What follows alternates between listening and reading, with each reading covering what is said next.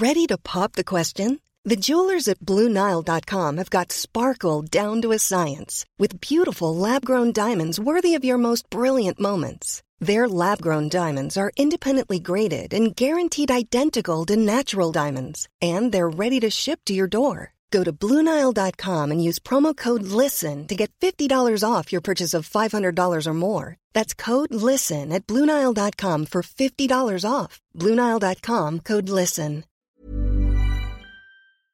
Hormoner är en naturlig och livsnödvändig del av kroppen. Ändå finns det en stor okunskap kring hormoner och vi märker att många inte känner till hur menscykeln eller olika preventivmetoder fungerar. Den här okunskapen kan skapa en rädsla för hormonbehandlingar eller hormonella preventivmetoder och också göra det svårt att veta om och när man ska söka vård för mensrelaterade besvär. Hormoner diskuteras ofta i media, men ibland saknas en vetenskaplig grund för informationen och osanningar och myter sprids och får fäste. Vi på Babys podcast tror att kunskap kring kroppen och dess funktioner bidrar till en stärkt självbild och ett ökat välmående hos kvinnor. Det är ju just därför vi gör den här podden. Kunskap är makt helt enkelt. Därför vill vi tipsa om en hemsida där du kan få den vetenskapligt grundade fakta du behöver och förtjänar. Hormonguiden.se är ett initiativ av Gedeon Richter och är en hemsida framtagen i syfte att öka kvinnors kunskap om hormoner. Som barnmorska och gynekolog gillar vi verkligen den tydliga informationen med bra bilder, strukturerad genomgång av menscykeln och preventivmedel. Gör dig själv en tjänst och skaffa dig mer kunskap om din kropp och dina hormoner. Besök hormonguiden.se.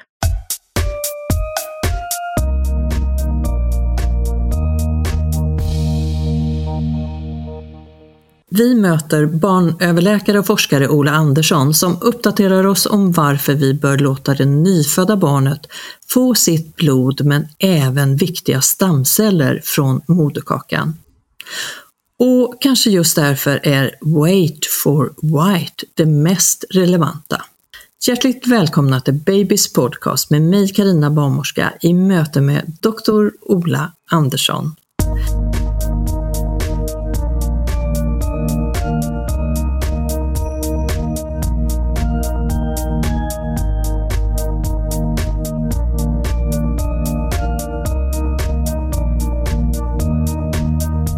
Och hej och varmt välkommen till dig Ola.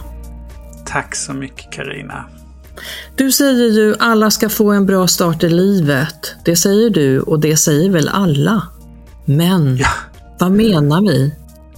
Ja, vad det gäller en bra start så för min del så innebär det ju att eh, man inte ska kasta sig över barnet och eh, klämma av navelsträngen före tre minuter. Åtminstone.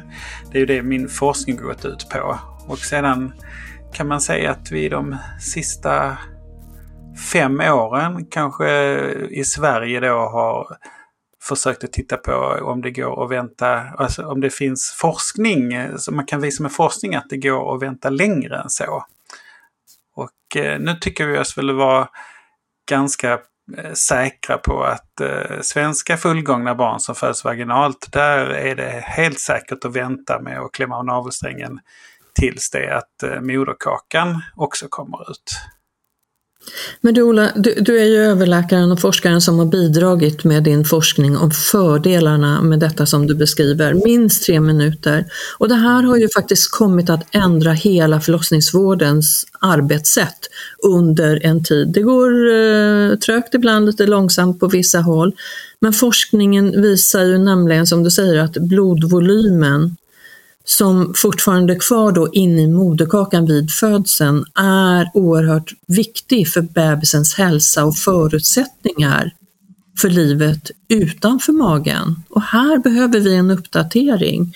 För det finns ju idag stark evidens för att nyfödda barn behöver hela sin blodvolym. Så att vi är så himla tacksamma att du är här återigen. För, för du och jag har ju pratat om det här med optimal avnavling, som vi kanske hellre kallar det än, än som det har varit ett tag, sen avnavling. Så ja, vi kanske slänger oss med, med båda de här, men, men det nyfödda barnet behöver ju sin blodvolym och jag pratade också inledningsvis om de här stamcellerna. Mm. Ja, och eh, om jag bara får ta oss tillbaka lite så det som är kanske också har blivit mer och mer aktuellt är att förutom att det är en blodvolym så är det ju också att blodet faktiskt cirkulerar fram och tillbaka till barnet efter att barnet har kommit ut. Och eh, det kallar vi för bibehållen eh, blodcirkulation. Alltså så det jobbet som moderkakan har gjort inne i magen. Eh, där det hjälper till att barnets blod ska syresättas så att man ska bli av med kolsyra och att det kommer mer näring i blodet och eh, avfallsprodukter försvinner via moderkakan. Det fortsätter under åtminstone några minuter tills det moderkakan släpper från livmoderväggen eller att navelsträngsblodkärlen drar ihop sig. Så, så numera så kan man säga att det är både en blodvolym, en extra blodvolym barnet får, men att vi har börjat bli mer och mer intresserade av den här pågående fortsatta stödet som moderkakan kan ge till barnet under eh, en, en kort stund. Och det är ju oerhört intressant att veta att de här slaggprodukterna som barnet har, att barnet då kan bli av med dem. Ja. Inte, bara, inte bara blodvolymen, inte bara fina stamceller. Nej. Och stamcellerna är ju något som många funderar på och eh, som ju, eh, det är väldigt lätt att, att föreställa sig att det där borde, eller är jättebra, men det har varit svårt att eh, göra en bra forskning för att kunna se vad de har för betydelse. Så, så stamcellerna, jag har inte forskat direkt på, på stamcellerna men eh, man tror ju och vill tänka att särskilt hos både barn, alltså de här mest sköra barnen, de Eh, väldigt mycket för tidigt födda barnen men också barn som föds med syrebrist när de är större. Att det kanske är framförallt där som de här stamcellerna kanske kan hjälpa dem att eh, utvecklas optimalt. Men det är fortfarande mer gissningar och förhoppningar än någonting som vi verkligen vet vad det gäller stamceller. För, för du, du fortsätter ju din forskning Ola och, och många är ju de som ifrågasätter då, för att du, du håller ju på med någonting som heter SAFE-studien och det, det, är ju en ganska stor studie som vi har varit inne och, och beskrivit här tidigare. Och det är ju en livrädd, eller hur kan man uttrycka det, en livräddande åtgärd eh, när, när bebisar inte behöver, eller när vi inte ska ta iväg bebisen till det här rummet utanför förlossningsrummet mm. utan att vi behåller navelsträngen intakt. Ja, alltså tanken är ju att man i SAFE-studien där man ju eh, så här långt, eh, eftersom det då är en forskningsstudie, så måste man lottas till att antingen eh, att barnet kan få vara kvar inne i mammans säng och få, få det här Eh, stödet, hjälpen från eh, barnmorskan och eh, barnpersonal som kan komma dit och hjälpa till det, det, är fortfarande en lottning till att antingen göra det eller att barn som det sker nu, att om de är tagna och behöver hjälp så ska man klippa av navelsträngen och bära iväg barnet till ett bord där man har all utrustning som man som, som man kan liksom använda för att hjälpa barnet att återhämta sig på ett bra sätt. Och eh,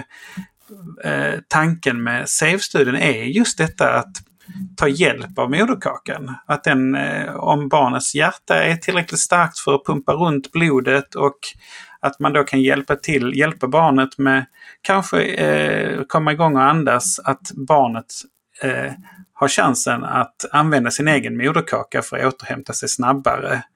Vilket ju inte går om man klipper navelsträngen och går iväg till ett annat rum.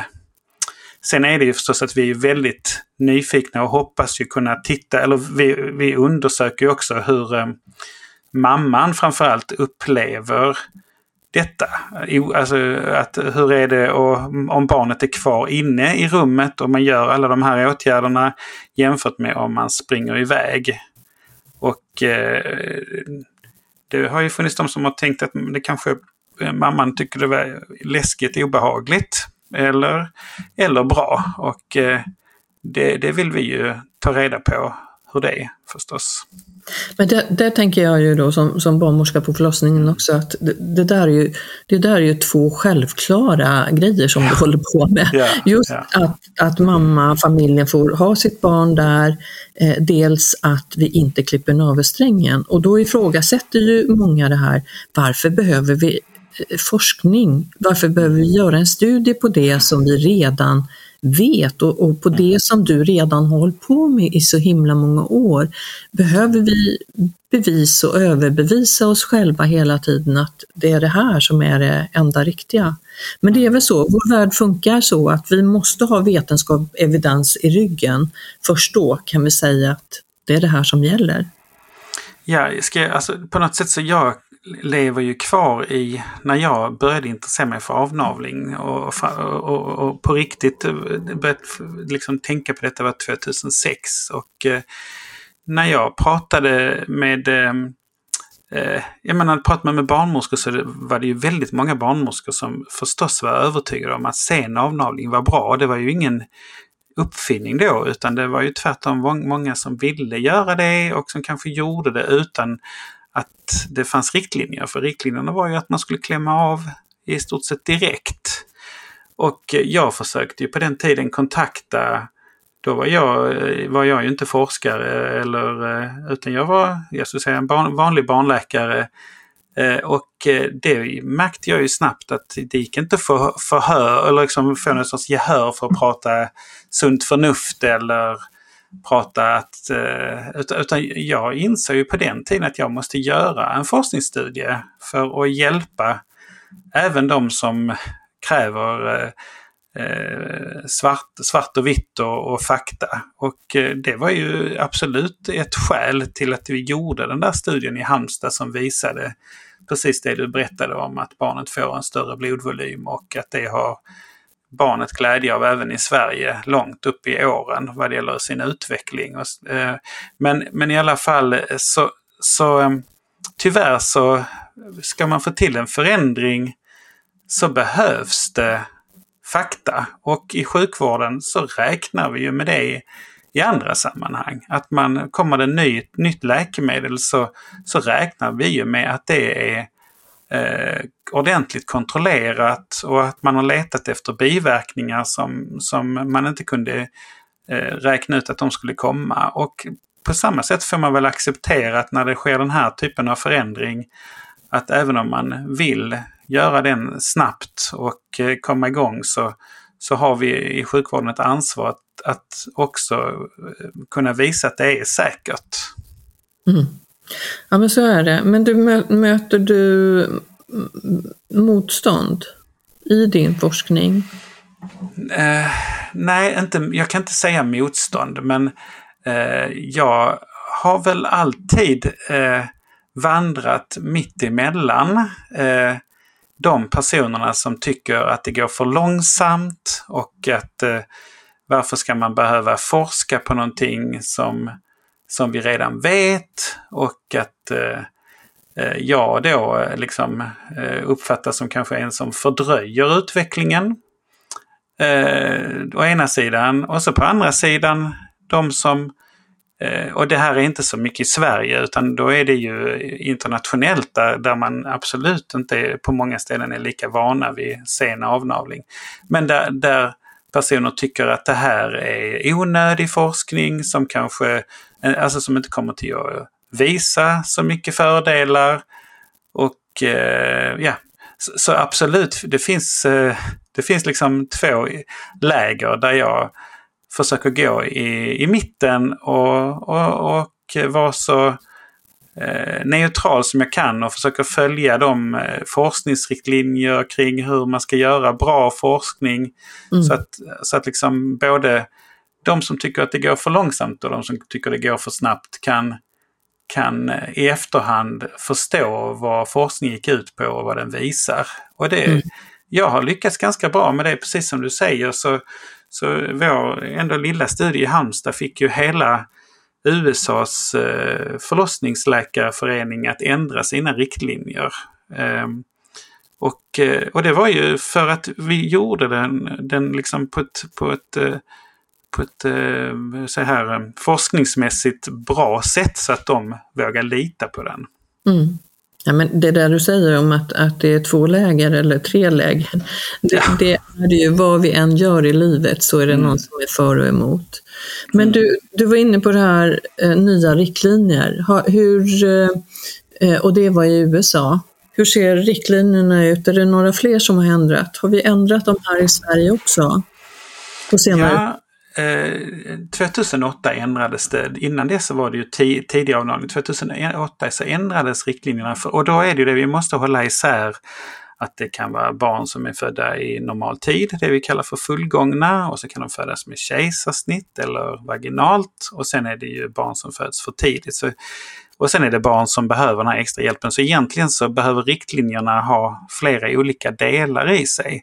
Men huvudringlinjen, de allra, allra flesta barn som föds är ju trots allt barn som mår bra när de kommer ut vaginalt. Och eh, därför är det ju oftast det vi pratar om. Och då var det 2 till 3 minuter i 2008 i Sverige och då ville man att dessutom att man skulle hålla barnet lite nedom, eh, eh, ut, eh, nedom vagina eller nedom moderkakan för att man skulle liksom försöka se till så att den här blodtransfusionen blev så bra som möjligt. Så man skulle hålla barnet liksom nedanför utförsgången i typ 30 sekunder innan man la upp det på mammans mage. Och eh, sen kom WHO 2014 och sa att man skulle vänta mer än en minut. Och internationellt sett så kan man säga att det är många som tittar på den där minuten och säger att ah, men det räcker kanske med en minut då. Och sedan så i USA som jag berättade så ändrar de sina riktlinjer. Men då ändrar de från omedelbart till det de tyckte var långt då efter att ha läst bland annat den här artikeln från, från Halmstad och Sverige. Så då, då drog de sig så långt så att de sa 30 till 60 sekunder eller längre. Vilket ju mm. innebär att de rekommenderar inte jättesen avnavling i USA. Men eh, sen så eh, började vi ju jobba med och, och eh, uppdatera de svenska riktlinjerna och det gjorde vi efter att eh, eh, jag hade varit med och genomdrivit två studier. En som pågick i Halmstad och Varberg där barnmorskorna fick själva bestämma när de ville avnavla. Och så följde vi upp barnen då eh, under tiden de låg inne på eh, BB och sen gjorde vi på samma sätt nere i, i Malmö och de studierna har blivit färdiga förra året. Och då kunde vi eh, använda dem som underlag för att ge nya rekommendationer i Sverige. Och om jag bara ska fortsätta prata då, annars får du mm. avbryta mig Carina. Ja, ja, nej, men så, det är intressant. Uh. Så, eh, så ville vi, eh, så tog jag kontakt med dels det, den eh, sammanslutningen av förlossningsläkare som heter SFOG, Svensk förening för obstetriker och gynekologer. Och där kom eh, två eh, förlossningsläkare med då, en från Göteborg och en från Uppsala. Och sedan tog vi kontakt med Barnmorskeförbundet. Och då var det en barnmorska från eh, Helsingborg och Lund och en barnmorska från eh, Skellefteå som var med tillsammans med mig och eh, en ytterligare en enatolog i Stockholm. Så vi sex satte oss ner och började gå igenom litteraturen och eh, tittade på alla riktlinjer som fanns och vad det fanns för ny litteratur. Och då hade vi ju tillgång till, till, till de här svenska studierna som man inte har på andra ställen. Och dessutom tillgång till den stora, långa erfarenhet av att vänta länge med avnavla som finns i Sverige.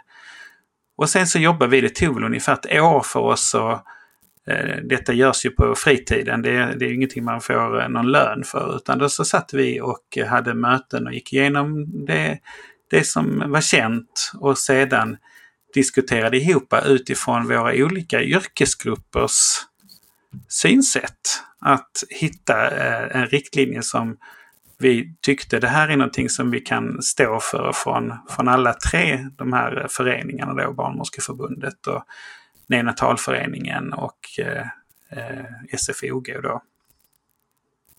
Ja, det är viktiga grupper. Ja, det är väl de som är med och tycker till främ, först och främst kring mm. när ett barn ska klä. Är det inte så? Har du några andra som, som är med och tycker till om när man ska klämma av navelsträngen när du är med vid någon förlossning? Nej, men alltså, det är väl de stora grupperna jag tänker som representerar barnmorskor ja. och förlossningsläkare och, och neonatologer, alltså eh, barnläkare som är specialiserade på på eh, nyfödda. Ja. nyfödda ja. Sen kan man ju alltid, jag tycker det är intressant att på många ställen nu så är det ju även föräldrar involverade i när man tar fram guidelines. Jag var faktiskt med och mm. tog fram europeiska guidelines eh, sedan eh, via en föräldraförening. Det finns en europeisk föräldraförening för nyfödda, eh, alltså sjuka nyfödda och de eh, driver eh, också att man ska göra olika riktlinjer och guidelines. Och då, mm. där, var ju, där var det ju även föräldrar involverade. Och det, kommer, det, det tror jag vi kommer till ha nästa gång. Eh, det tycker jag. Fall, det, ja. det, är på tiden. Det är på tiden Ola. Ja, eh, de måste vi involvera. Det är, ju de, det är ju de som är föräldrar till ja, barn ja. och eh, vi måste ha tillit till ja. Eh, våra födande. Precis. Sen är det väl så här att egentligen så skulle man ju behövt kanske hundra föräldrar då för mm. som sagt det finns ju det är ju som eh, ja man kan ha så olika ingångar i det här med avnavling och hur man tittar på risker och fördelar. Alltså vi är ju så otroligt olika som människor. så att mm. Eh, men, men att i alla fall ta del av de tankarna man har som förälder när man gör riktlinjerna, det tror jag är jättebra. Jätteviktigt. Men du, vad kom ni fram till då? Vad, vad blev riktlinjen? Ja, men då blev det, det kom det ut en riktlinje som man kan hitta på, i varje fall på Barnläkarföreningens hemsida. Så den är ju offentlig så man kan hit, eh, säkert googla fram. Men då så sa vi att vad det gäller barn som är födda efter graviditetsvecka 35 plus 0 som man säger. Så, eh, så ska, när man föds vaginalt så kan man vänta tills navelsträngen är tunn och slapp. Det är ju det som du kallar för wait for white. Men att man ska klämma av navelsträngen senast när placenta eh, också kommer ut. När den också föds fram. Och att eh, vid kejsarsnitt så, så hade vi eh, eh, diskussioner kring hur vi skulle tänka då. Men, men där vad det gäller litteratur och vad, vad som är säkert och så, så är det en minut som, som man kan ställa sig bakom. Och likadant så kan man säga att eh, hos barn som föds tidigare än så, så är det där sa vi tidigast vid en minut. För det är, kan man säga, det är visat väldigt tydligt att väntar man en minut och troligtvis längre än så, så så har det stor betydelse för eh, prematura barns eh, mående. Mm. Och vad tycker du då om, eh, flika in här, men ja. du är inne på kejsarsnitt och jag är en av de få på min klinik som ju då efter den här minuten tar bebis och moderkaka intakt navelsträng till föräldrarna. Mm. Är det fel av mig? Jag hade önskat att jag kunde säga att det var rätt eller fel, men, men det kan jag inte för jag vet inte. Det är det som är bekymret. Att, äh, att äh, vi vet, ingen riktigt vet vad som händer med moderkakan när den har lossnat från ehm, eh, livmodern. Det är ju ett organ fullt med celler och alla celler i kroppen behöver ju syre för att eh, fungera.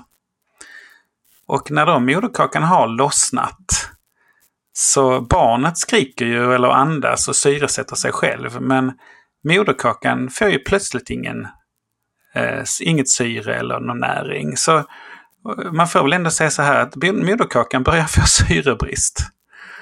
Och eh, den, eh, vi vet inte hur den reagerar. Det, det många vet, precis som som du så eftersom många, väldigt många barnmorskor gör så idag och då eh, säger de att det går, går bra. Jag har inte sett några komplikationer eller biverkningar av det så du kan vara lugn Ola. Och jag säger ja det är ju skönt att höra.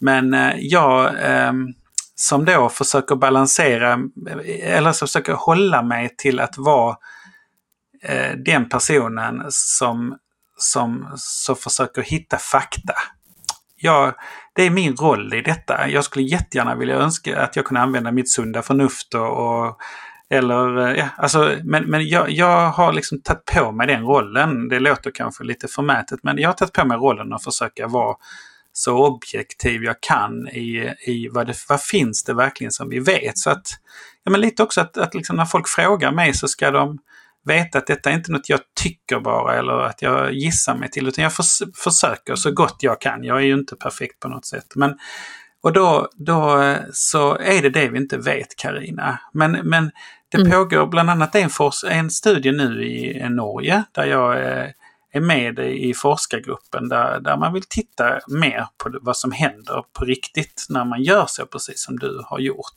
Och särskilt hos barn som behöver hjälp. Så, så, vi, vi kommer väl att lära sig oss mer om det också. Så småningom. Mm. Det gör vi Ola, vi kommer att lära oss mer om, om allt och det är viktigt ja. du som forskare håller dig till, till vetenskapen, det ska vi göra. Men skulle det kunna vara direkt farligt för barnet?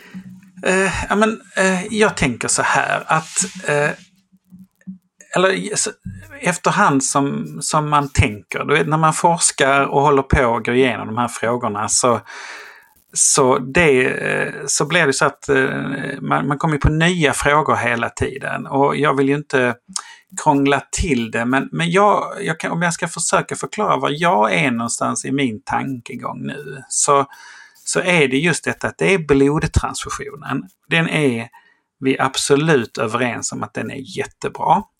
Men när jag hör hur folk pratar om den blodtransfusionen så pratar man om att man vill ge den maximala blodtransfusionen eh, eller den, att man ska verkligen se till så att allt blod ska komma in i barnet. Och då har jag ju börjat tänka, hur vet vi att det är rätt? Eh, Eh, alltså barnet har ju inne i magen varit, eh, varit friskt och bestämt sin blodvolym från sekund till sekund. Eh, barnet styr ju sin blodvolym med sitt blodtryck och sina blodkärl och sina nerver och hormoner. Så ett friskt barn eh, styr ju sin blodvolym hela tiden in under graviditeten. Det är ingen annan som bestämmer det. Och när då barnet kommer ut så undrar jag ju eh, när har barnet fått lagom mycket blod? Jag har liksom börjat att, att tänka så istället. Hur avgör vi när barnet har fått lagom mycket blod? Jag tror inte alls barnet ska ha så mycket blod som det kan få, utan det ska få så mycket blod som det vill få. Är jag, är jag tydlig eller blir detta otydligt? Ja, absolut, absolut, absolut.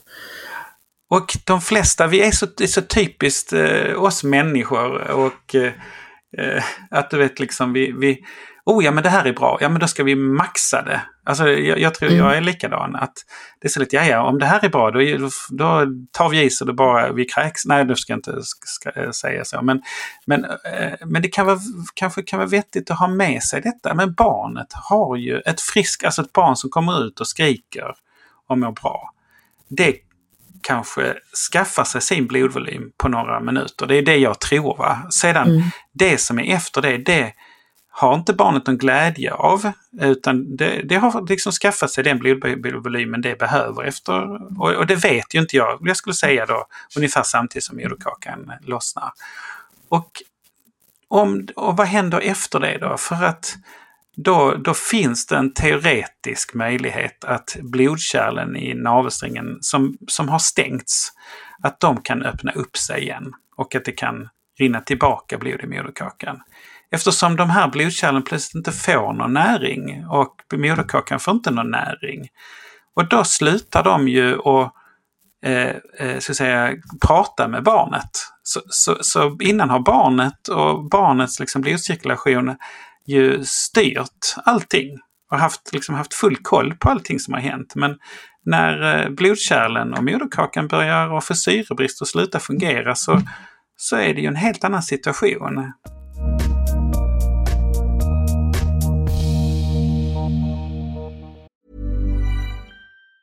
There's never been a faster or easier way to start your weight loss journey than with PlushCare. PlushCare accepts most insurance plans and gives you online access to board-certified physicians who can prescribe FDA-approved weight loss medications like Wigovi and Zepbound for those who qualify. Take charge of your health and speak with a board-certified physician about a weight loss plan that's right for you. Get started today at plushcare.com slash weight loss. That's plushcare.com slash weight loss. plushcare.com slash weight loss. Ever catch yourself eating the same flavorless dinner three days in a row? Dreaming of something better? Well, HelloFresh is your guilt-free dream come true, baby. It's me, Kiki Palmer. Let's wake up those taste buds with hot, juicy pecan-crusted chicken or garlic butter shrimp scampi. Mm. Hello Fresh. Stop dreaming of all the delicious possibilities and dig in at HelloFresh.com. Let's get this dinner party started.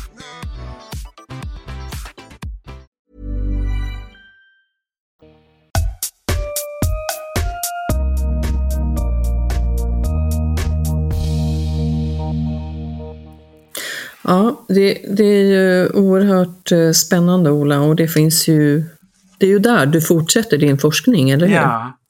Vi får, alltså, och det jag, finns inget slut på det här. Nej, och, och det är som sagt, jag är inte ute efter att, bevisa att det räcker med det ena eller det andra. Jag är ju, snarare så önskar jag ju hitta vad som, vad som är barnets bästa. För jag, jag Ja, tror att de flesta friska nyfödda barn, de vet själva bäst när, de, när det är lagom. Det är bara att vi ska försöka förstå när de berättar det för oss. Men du, du, då undrar jag så här, eh, Wait for White, det, det är ju liksom ett internationellt sätt Mm. att se på eh, när, när eh, navelsträngen är slapp och eh, tömd på blod, för den är ju väldigt eh, mer eh, ja, styvare och mera blåröd i färgen när blodet är där. Så, så en slapp och ganska likgiltig navelsträng är ju det vi har pratat om. Mm. Så det behöver vi inte vara så noga med framöver, tänker du? Eh, nej men det, jag tror det är det tecknet som vi kan få av, av, eh, av barnet. Att nej men nu har jag fått tillräckligt, tack ska du ha.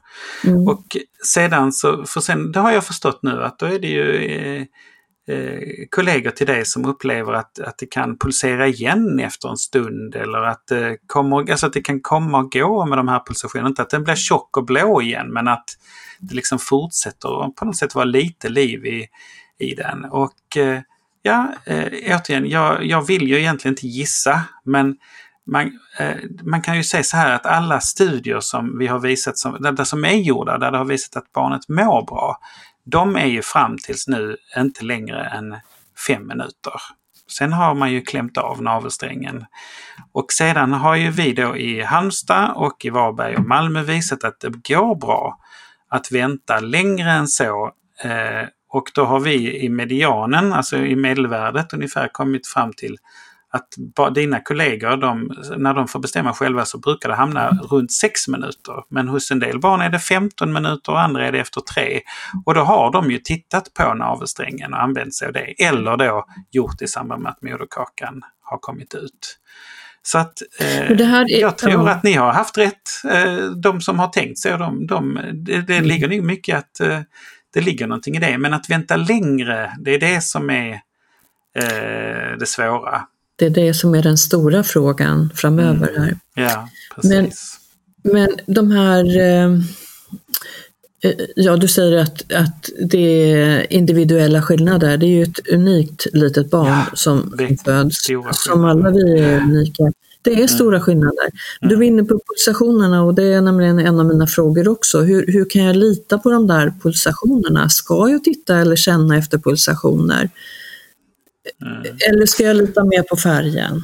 Ja, det är en jättebra fråga.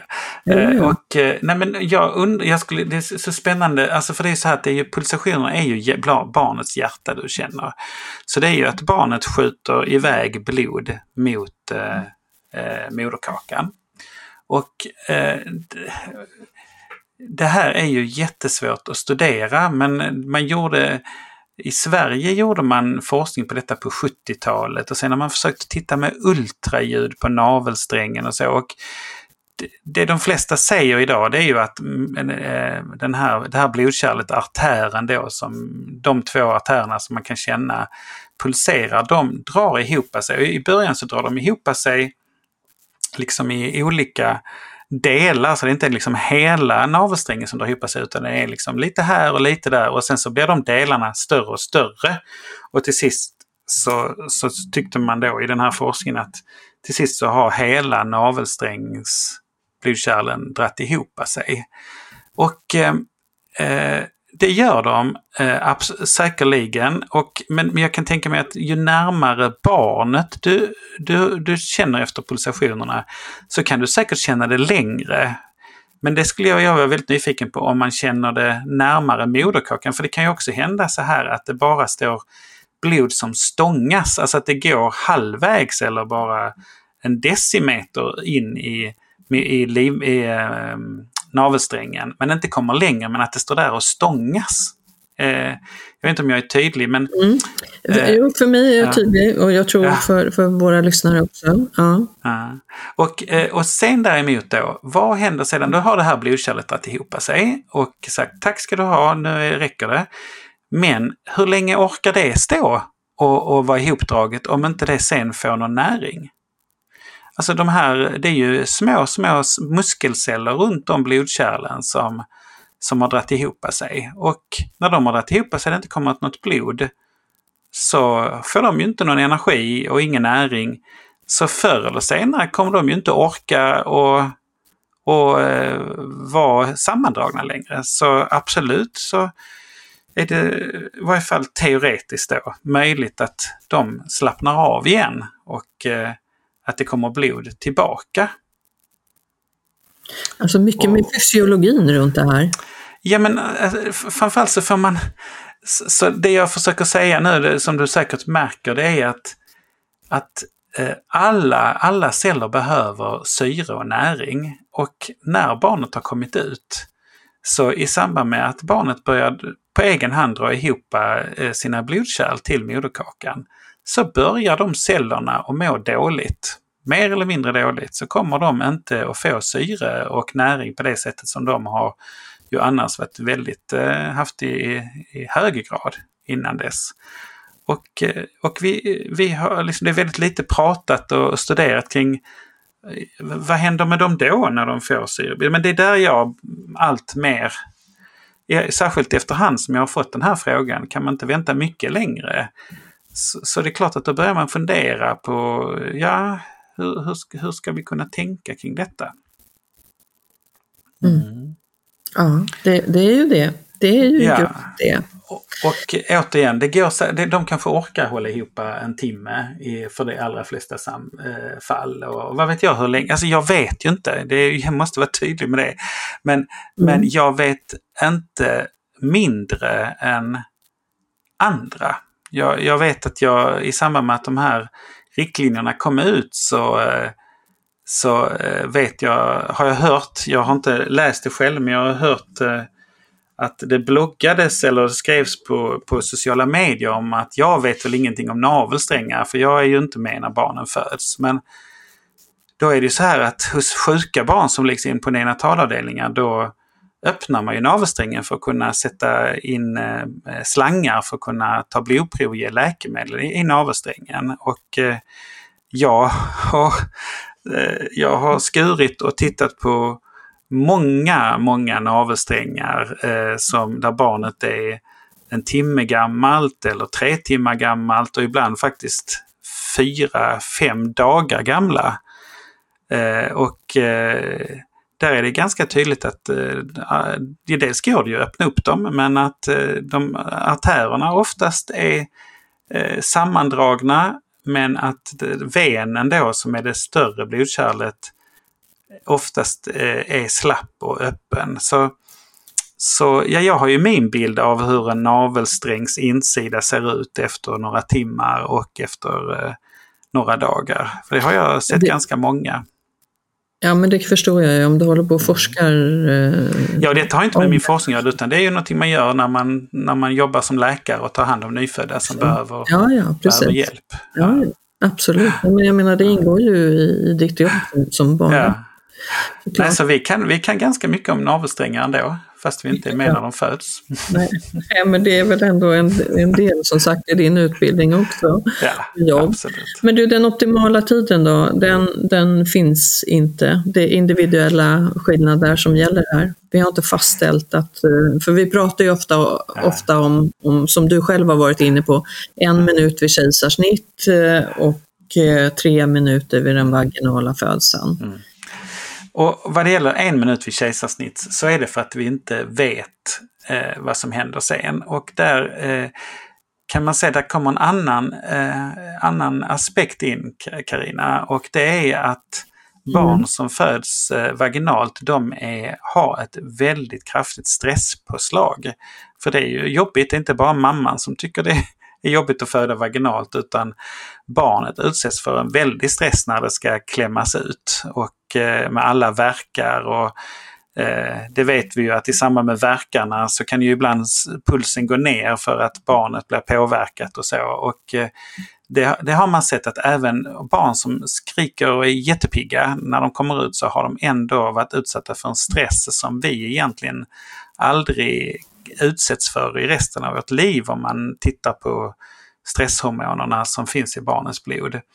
Och då eh, kanske det tar lite tid då innan den här stressen lägger sig och att, eh, att det kan vara ett skäl till varför det behövs ett antal minuter för att barnet ska få sin blodtransfusion och att den här cirkulationen ska avslutas på ett, på ett eh, liksom, eh, bra sätt.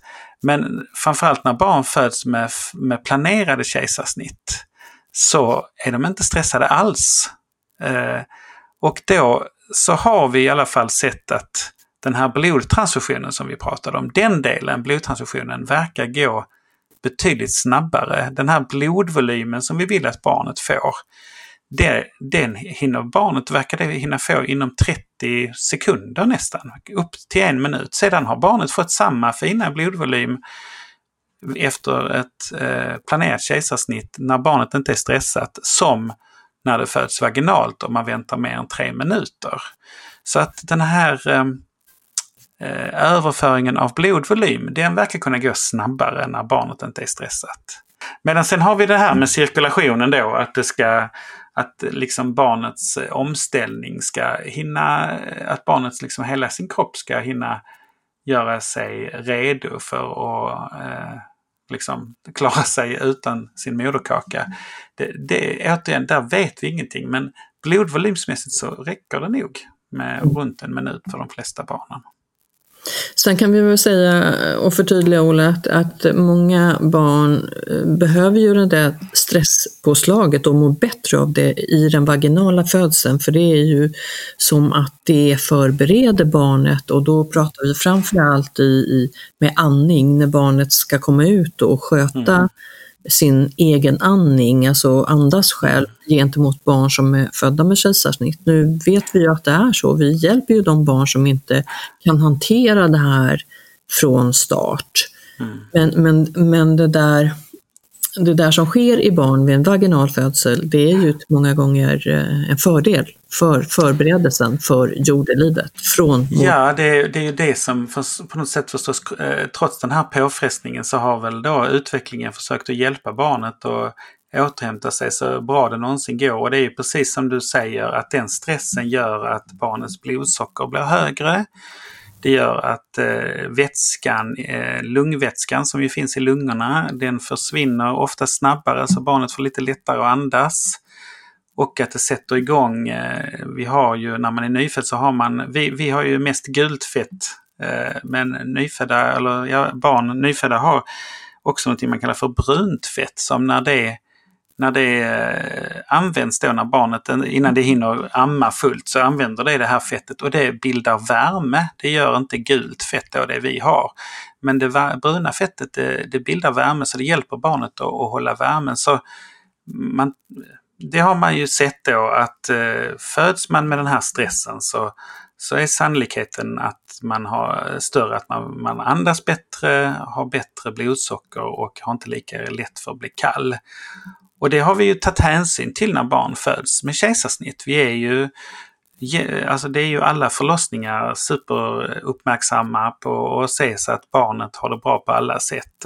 Och att det liksom får hjälp och, och hämta sig även när det inte har varit stressat. Så, så det är ju mm, ingenting som, som barnet utsätts för någon fara. Men, men det är absolut så att eh, att när man föds vaginalt så får man en annan eh, skjuts in i livet. Så kan man väl mm. säga. Ja. ja, fysiologin funkar lite annorledes. Men, och, och, och, inte ett sätt att vi moraliserar eller pratar illa om kejsarsnitt nu. Det, och det vet ju ni som har lyssnat på oss tidigare. Ja, vi, vi, mm. vi älskar ju kejsarsnitt, vi älskar vaginala födslar och det finns två sätt att föda barn på. Och det är vi ganska tydliga med. Eh, Rebecka som annars hänger i podden här, hon har själv gjort ett par kejsarsnitt och hon säger att eh, eh vi ska göra allt för att eh, mamma och barn ska må bra oavsett eh, förlossningssätt. Verkligen, verkligen. Så är det. Men du, eh, jag har en fråga. Vi pratar ibland om att navelsträngen kan mjölkas, alltså kramas ut för hand så att då volymen, eller ja, volymen transfusionen förs över till bebisen. Eh, alltså både mm. före och efter att navelsträngen har, har klippts egentligen. Vad, vad, vad, eh, är det bra? Är det en fördel? Ja, men alltså här är jag ju, jag är lite svårt att vara objektiv för mm. som du har hört så vill jag ju att barnet ska få bestämma. Mm. och, eh, och mjölkning är ju ytterligare en sån här sak där vi som i det här fallet vuxna eller eh, någonting ska liksom skynda på någonting. Vi ska liksom hjälpa barnet att få den här extra blodvolymen lite snabbare eller att vi ska slippa stå och vänta på att eh, liksom livmodern och barnet sköter det själva. Så, så det, alltså, därför så kan jag ju, måste jag erkänna, just vad gäller mjölkning så har jag en, en eh, eh, brottas jag med att, eh, att jag har lite svårt att vara objektiv. För jag vill att barnen ska bestämma liksom, i vilken takt det här blodet ska komma.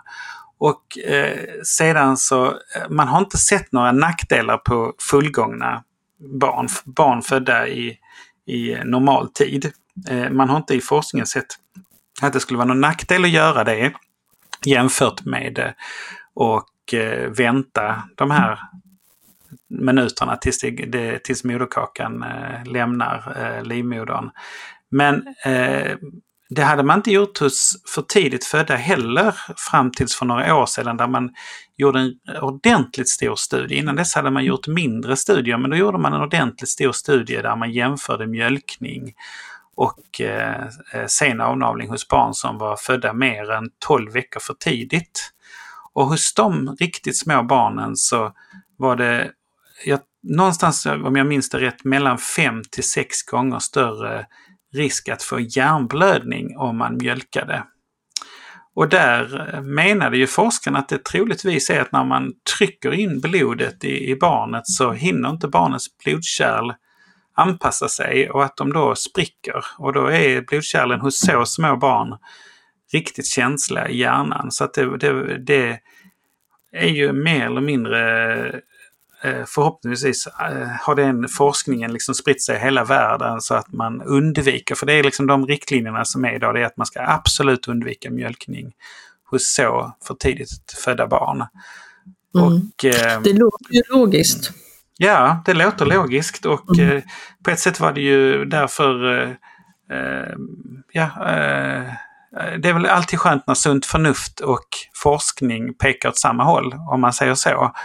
Och eh, vi skriver, jag minns inte riktigt, men i den, det här, vi, vi pratade mycket om detta då ju förstås i den här gruppen vi, eh, med förlossningsläkare, barnmorskor och eh, läkare med, barnläkare med intresse av nyfödda. Vi sex, vi satt ju och pratade om detta, hur vi skulle säga om mjölkning. Och eh, om jag minns det rätt så säger vi att vi avråder det i brist på att, eh, att, vi, eh, att man inte vet att det har någon bättre effekt än sen avnavling. Alltså vi, vi tycker ju man ska vänta med att klämma av navelsträngen och inte tänka då, ja men då kan vi mjölka istället. Så, så i Sverige så, så eh, är det inte med i råden att man, att, man, att man kan mjölka. Om jag nu minns det eh, riktigt perfekt. Men du, det, det måste ju vara jättesvårt att också eh, titta tillbaka och forska på det här därför att vi, vi skriver ju sällan i journalen. Jag brukar skriva hur många minuter eh, avvaktar innan jag klipper navelsträngen eller föräldrarna klipper navelsträngen. Men, men oftast så, så finns det ingen anteckning om det och, och om Nej. den mjölkas eller kramas ur för hand. Så det måste ju vara jättesvårt att, att veta vad, vad är gjort här innan. Mm. Det kanske borde bli bättre, din, din forskargrupp där, man kanske måste upplysa, vi har gjort det, jag vet det står skrivet, varför är det ingen som skriver i journalen och, och det kanske borde lyftas igen. Mm. Eh, så att vi gör samma för att vi sen ska kunna utvärdera och se, är det här någonting som har varit till fördel för barnet eller inte? För att fortsätta och, och, och barnet ska må, barn ska må bättre i framtiden eller att vi avvaktar, vi pausar, vi, vi slutar med, med det som vi har tidigare gjort. Men det enda sätt vi kan få reda på det är ju när det finns noterat någonstans. Men tror du att det är, att, att, eller tror du eller vet du att det sker eh, mjölkning nu? Eh, nej, jag vet inte. Jag har, har aldrig gjort det själv kan jag säga. Men jag hör ju att man har gjort det. Nu Mm. kanske det inte var igår eller förra månaden, jag kan inte påminna mig när. Eh, men eh, det pratas om det Mm. då och då. Mm. Och därav så vill jag höra med dig, liksom, Ja. du som ändå Ja. forskar på det här. Precis, och eh, där kan man väl säga så här att just mjölkning, eftersom det är så, jag tror det är ganska ovanligt i Sverige idag.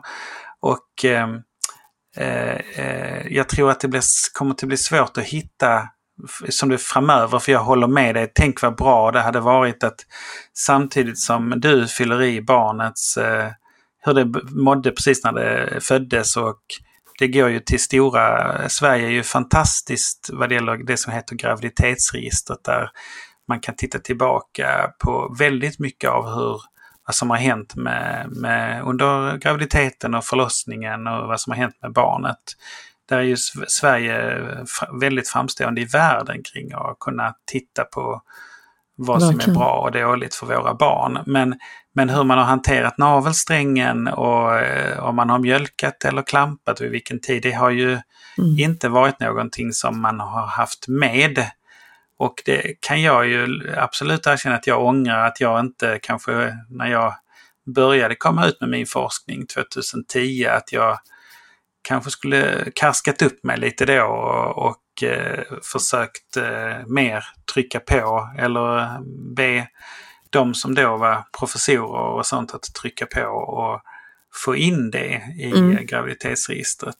Eh, det hade Det är varit ändå en- fantastiskt. Det är ändå en, en viktig information tycker jag, för att vi ska veta Ja. vad som händer. Vi som, vi som intresserar oss för detta tycker den är jätteviktig. Men det som är fördelen, eller det, det, jag tror det är så här att eh, Sverige är ju tillsammans med kanske England, delvis Holland och Italien de som jag tror har kommit längst vad det gäller sen avnavling och att liksom vara moderna kring det här. Och eh, därför finns det väldigt många länder kvar där man eh, eh, mjölkar eller avnavlar tidigt och, och där vi har chansen att ta del av deras forskning och deras kunskaper framöver. För jag tror vi är liksom för långt eh, komna i förståelsen och i förändringen i Sverige. Vi är, just vad gäller avnavling så är vi väldigt långt komna kan man säga. Det är bra. Det är mycket Mm. bra. Ja, det är väldigt bra. Det finns ju inget land, eh, finns ingen annan riktlinje som har rekommenderar avnavling eh, fram, alltså tills när moderkakan avgår idag. Den längsta riktlinjen jag känner till är ju fem minuter. Eh, och eh, det är i England. Eh, så att Sverige har ju även de, de eh, offentligt eh, längsta eh, möjlighet, alltså liksom möjligheten eller hur man nu ska säga, den längsta, den, riktlinjen som, som tillåter eller som rekommenderar eh, längst tid med, med att man inte klämmer av navelsträngen. Mm.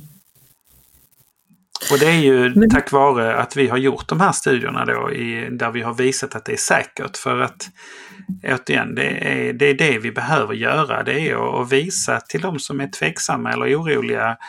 Och det gäller ju både eh, läkare, barnmorskor och föräldrar. Att, men att hjälpa dem att ja, gör vi den här förändringen så har vi försökt på så gott vi kan se att det är säkert att göra den förändringen. Men, men du Ola, du var inne på det här tidigare att Eh, man har sett på något enstaka barn eller på några, jag vet inte hur många du nämnde, eh, eller kanske vi inte kan, men när vi trycker in blodet då eh, med den här typen av att det kramas ur och, och, och inte barnet, att barnet eventuellt skulle kunna drabbas då av någon hjärnblödning på grund av... De här det... riktigt små barnen, för det är de som har ja, känsliga blodkärl. Ja. Precis. Mm. Men, men, så det är ju en nackdel. Men jag, jag, tänker den här riktigt extrema sena avnavlingen, nu vet jag inte vad jag, vad jag tänker i minuter vad gäller mm. extrem, men säg att någon timme eller så, att det skulle ha negativa effekter. Eh, jag vet bara att i Läkartidningen 2021 så, så hade man ju en artikel om att det kan leda till blodförlust hos nyfödda. Och då tänker man väl att blodet backar i och med att man inte klampar, klämmer åt, så, så backar blodet ut tillbaks i moderkakan. Är det inte så man tänker?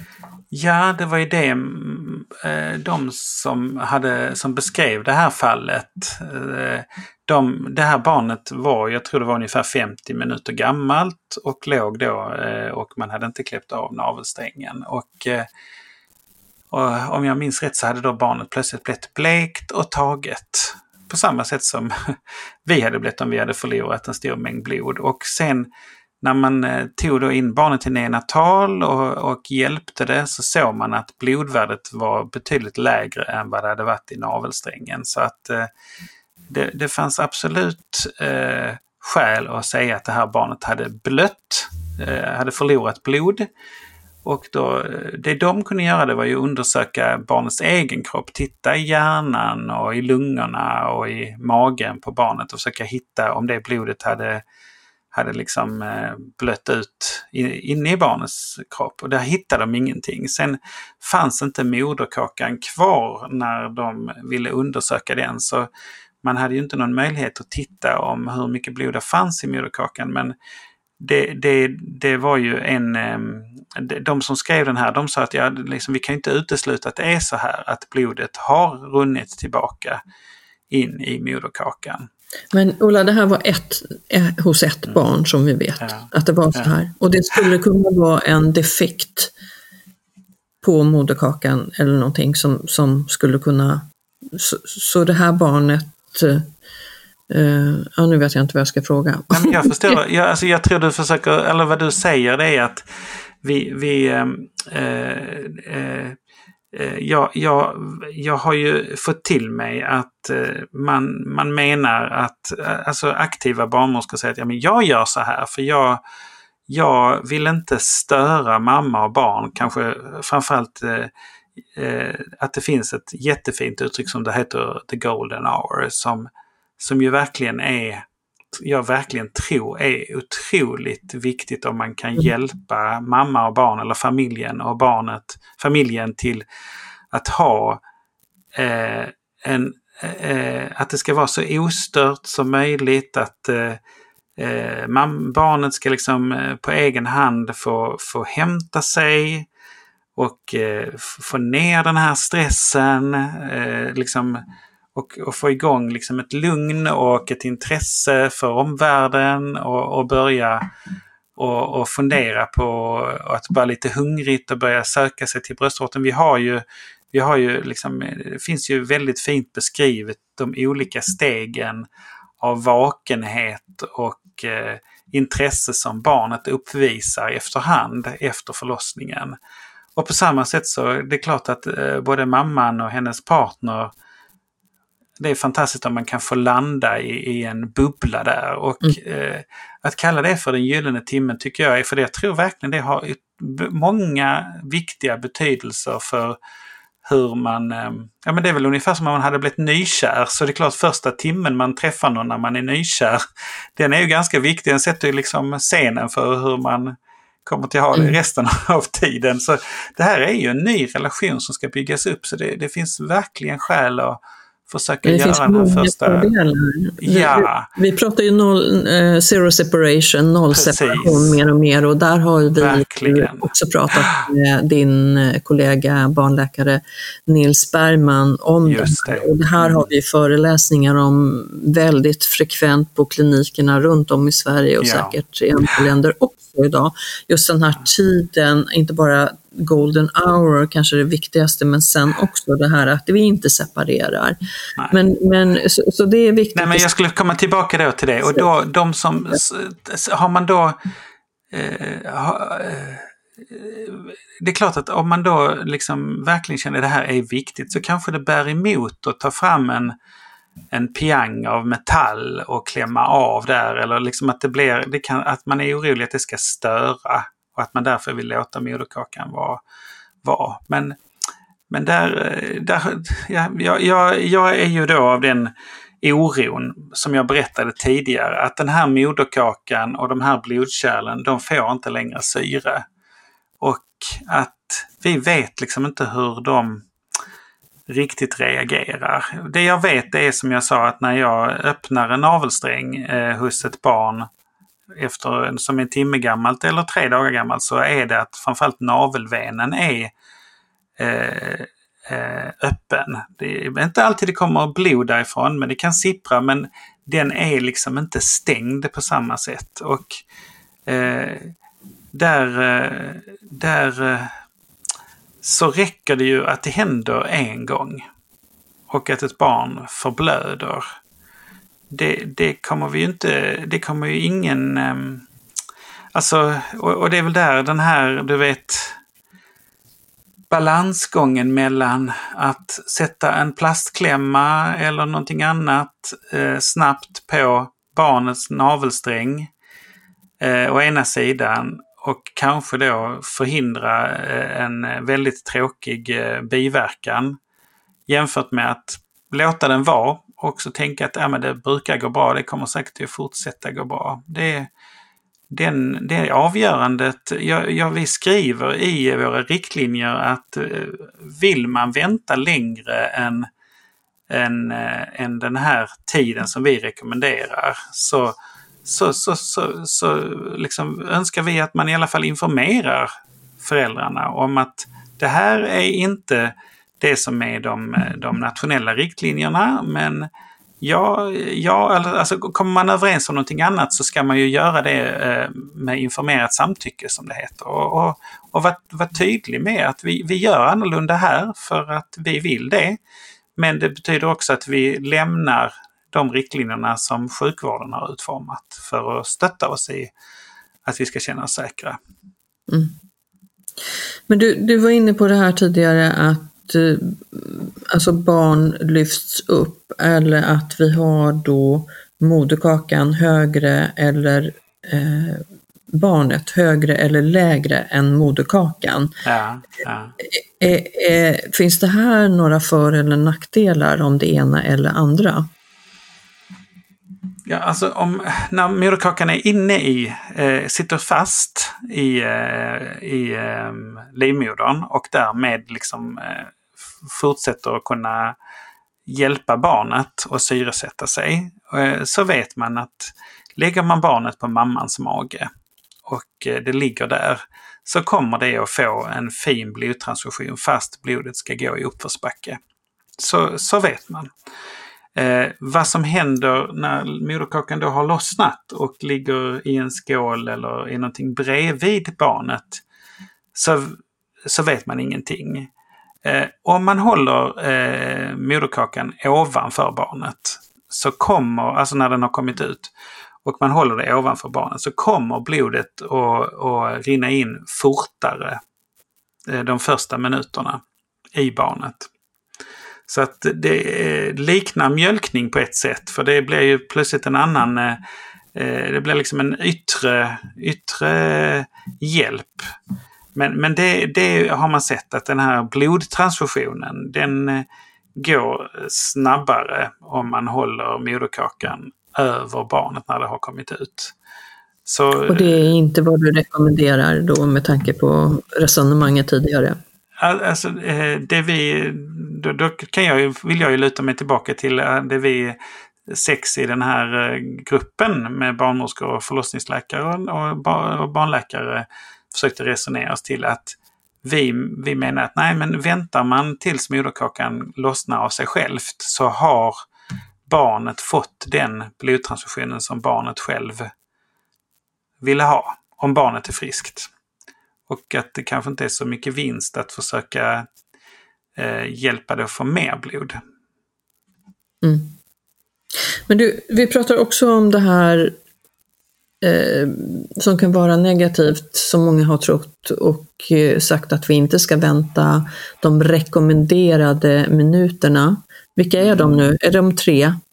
Nej, nu har vi inga minuter längre. Nu, nu är det när moderkakan avgår. Nu är det när moderkakan avgår.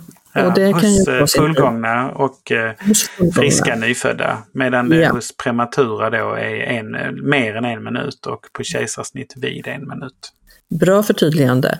Men kan det då orsaka höga bilirubinvärde, alltså att barn får mer ofta gulsot?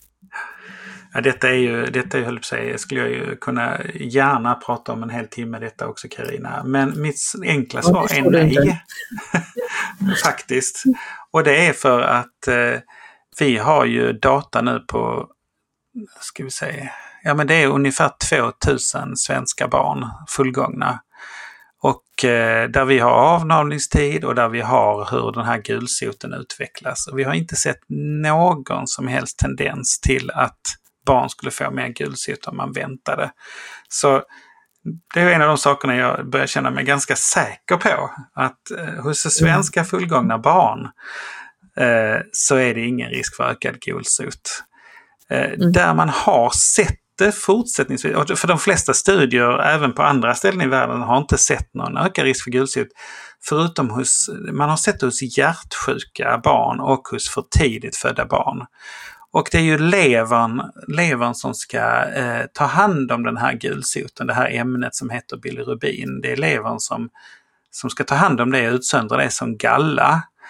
Och eh, där tänker man sig kanske att eh, för tidigt födda barn har en omogen lever så att den har lite, där kanske det finns en, en ökad risk eh, att de får högre eller hö, mer eh, gulsot. Och vad det gäller de här barnen med hjärtfel ja, det, där eh, vågar jag egentligen inte spekulera vad det beror på. Men där hade man i alla fall också sett att det var mer gulsot. Men det är i alla fall inte relaterat till optimal avnavling? Eh, de, de hade ju tittat på skillnaden i gulsot mellan tidig och sen avnavling och sett då, då hos de här hjärtsjuka barnen att de fick mer gulsot om det var sen avnavling. Men de hade andra fördelar. Och det är väl det som man kan säga att både hjärtsjuka barn och barn som är födda för tidigt, där kontrollerar man ju deras blod för gulsot. Så att där, där vet man ändå vilka barn det är som behöver eh, ljusbehandling. För det är ju så man eh, hjälper barn som får gulsot, att de får ligga i ett blått ljus. Så de upptäcker man nog oftast ändå att de behöver hjälp, utan det är väl just hos de här fullgångna friska barnen där man inte regelmässigt eh, kontrollerar det mer än möjligtvis när man går hem. Att eh, där behöver man inte vara orolig att de skulle få mer gulsot. Men det låter betryggande. Du, det är många frågor som, som mm. du märker Ola och de kommer ju igen och igen med tid eftersom din forskning går vidare. Jag har en till och då tänker ja. jag tvillingar, kanske trillingar är inte jätteofta, men, men hur ska vi tänka vid tvillingar? Mm. Nej, och eh, vad, eller, nej, alltså, vad det gäller tvillingar, det är jättebra. Det, det, det är ju eh, en av de här frågorna som det fortfarande tas upp kan jag säga på alla eh, forskarmöten eller där man eh, har andra träffar där eh, eh, vi som intresserar oss särskilt mycket kring sen avnavling, vi brottas kring detta.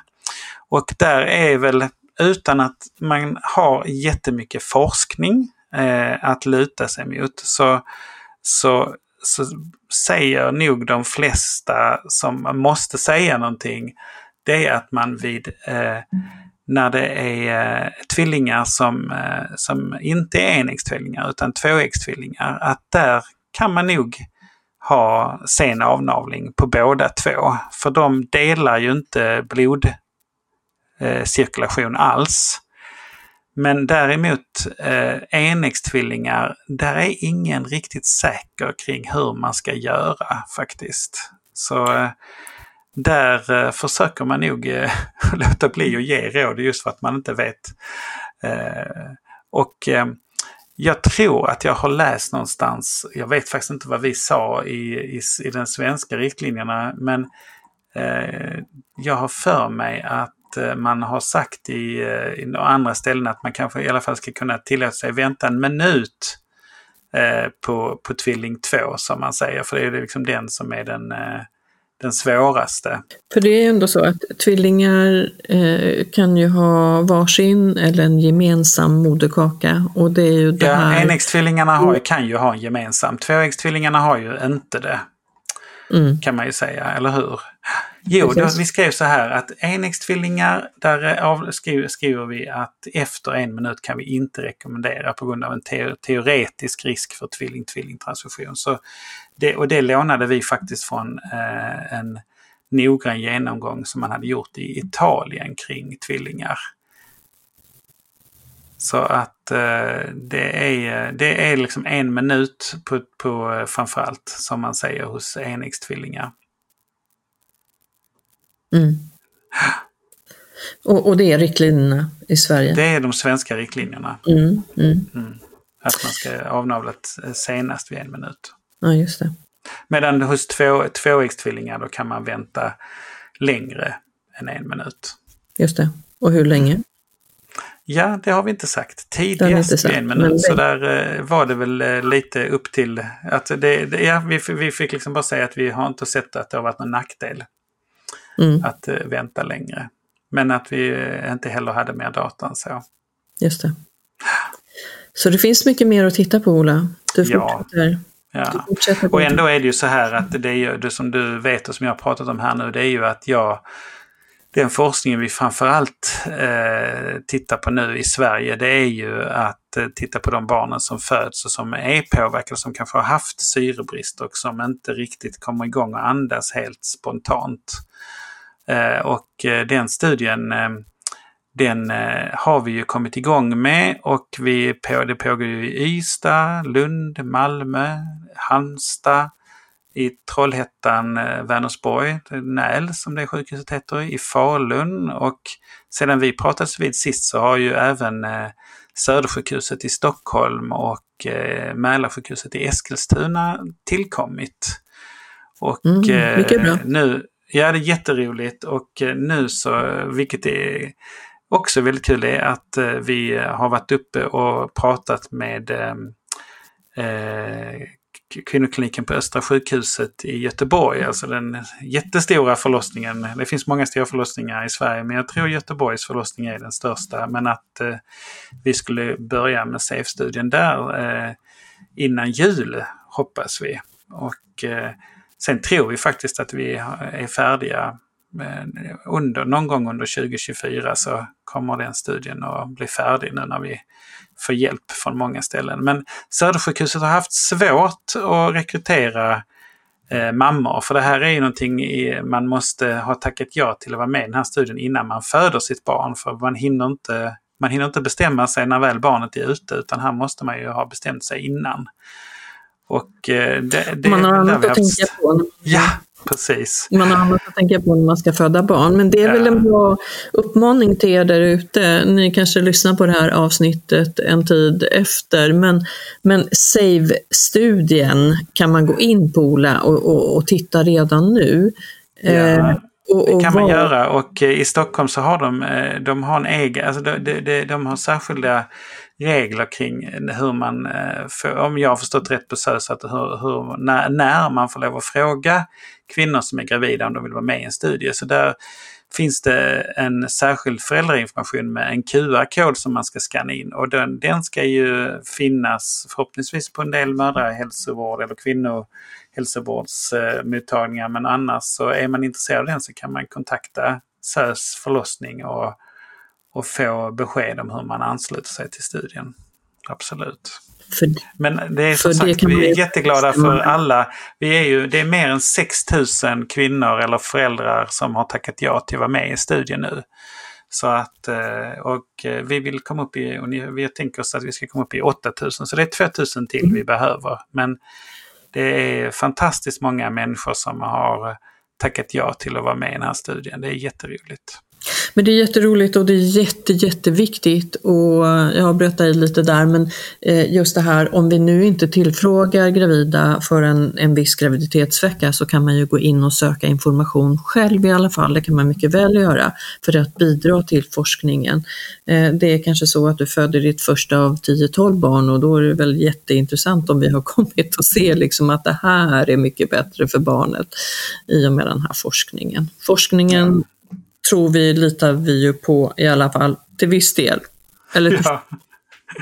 kanske till och med. Det, ja, det sen är det alltid en klinisk och sen, ja, det finns mycket i det här. Eh, men du lär oss jättemycket Ola. Du är en av, du är väl den som forskar mest på det här i Sverige och en av de största i världen också, eller hur? Ja, vad det gäller framförallt att titta på eh, fullgångna barn då, barn som har, som har kommit i, ut i rätt tid, så mm. är det inte jättemånga andra som tittar på det, utan eh, det är ganska många som forskar på det kring barn som är för tidigt födda. Viktigt, viktigt. Heja dig! Tack!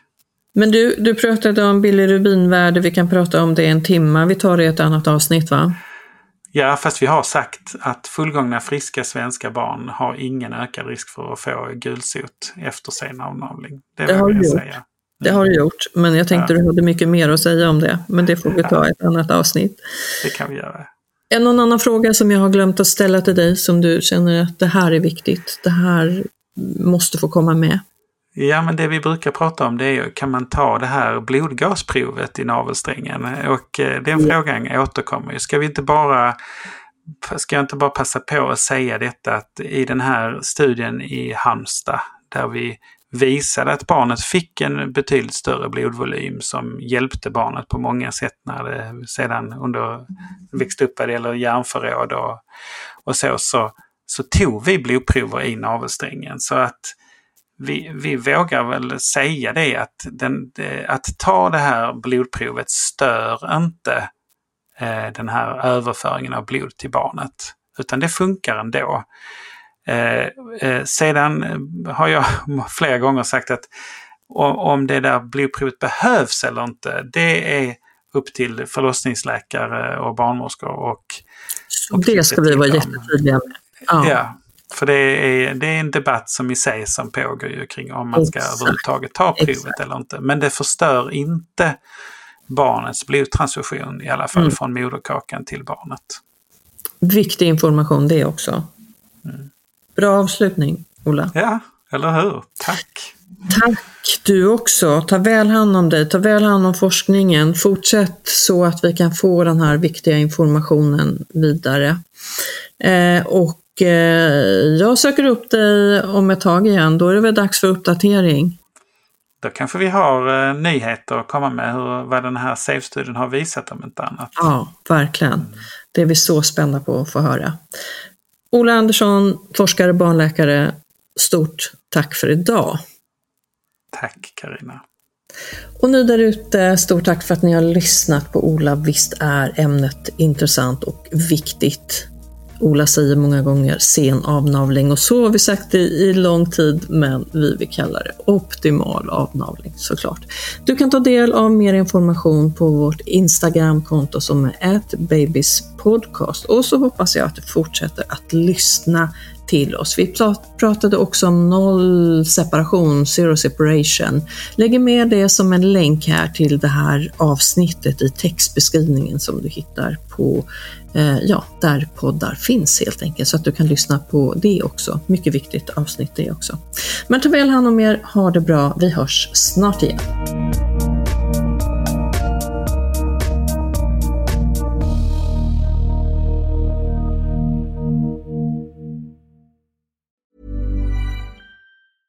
Hey, it's Paige DeSorbo from Giggly Squad. High quality fashion without the price tag. Say hello to Quince.